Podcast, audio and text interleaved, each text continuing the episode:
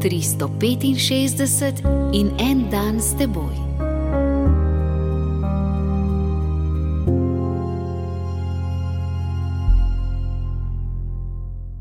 Iz Lukovega evangelija, 13. poglavje, prva vrstica. Prav v tistem času je bilo tam navzočih nekaj ljudi, ki so mu pripovedovali o Galilejcih, katerih kri je Pilat pomešal z njihovimi žrtvami. Kadar se zgodi kaj nepredvidenega in negativnega, se potem radi jezimo na Boga. Ljudje so bili prepričani, da so nesreče božja kazen. Si se nič hudega sluteč znašel med žrtvami nasilnih dejanj Pilatovih vojakov v templju? Zaslužil si to. Lahko da nisi spoštoval sobote.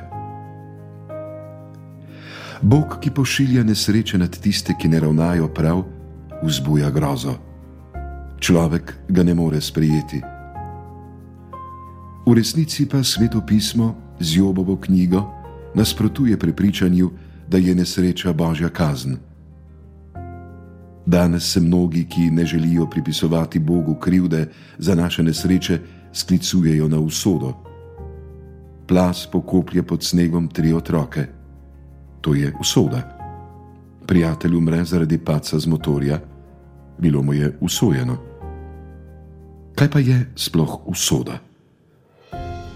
Usoda ne bi mogla biti nič drugega, kakor nekaj temačnega skrajno neumnega. In mi, razumna in svobodna bitja, bi se morali podrejati nečemu temačnemu in neumnemu, to bi bilo kruto in strašno.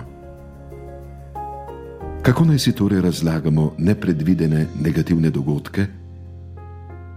Poslušajmo v jutrišnjem razmišljanju, kaj pravi Jezus.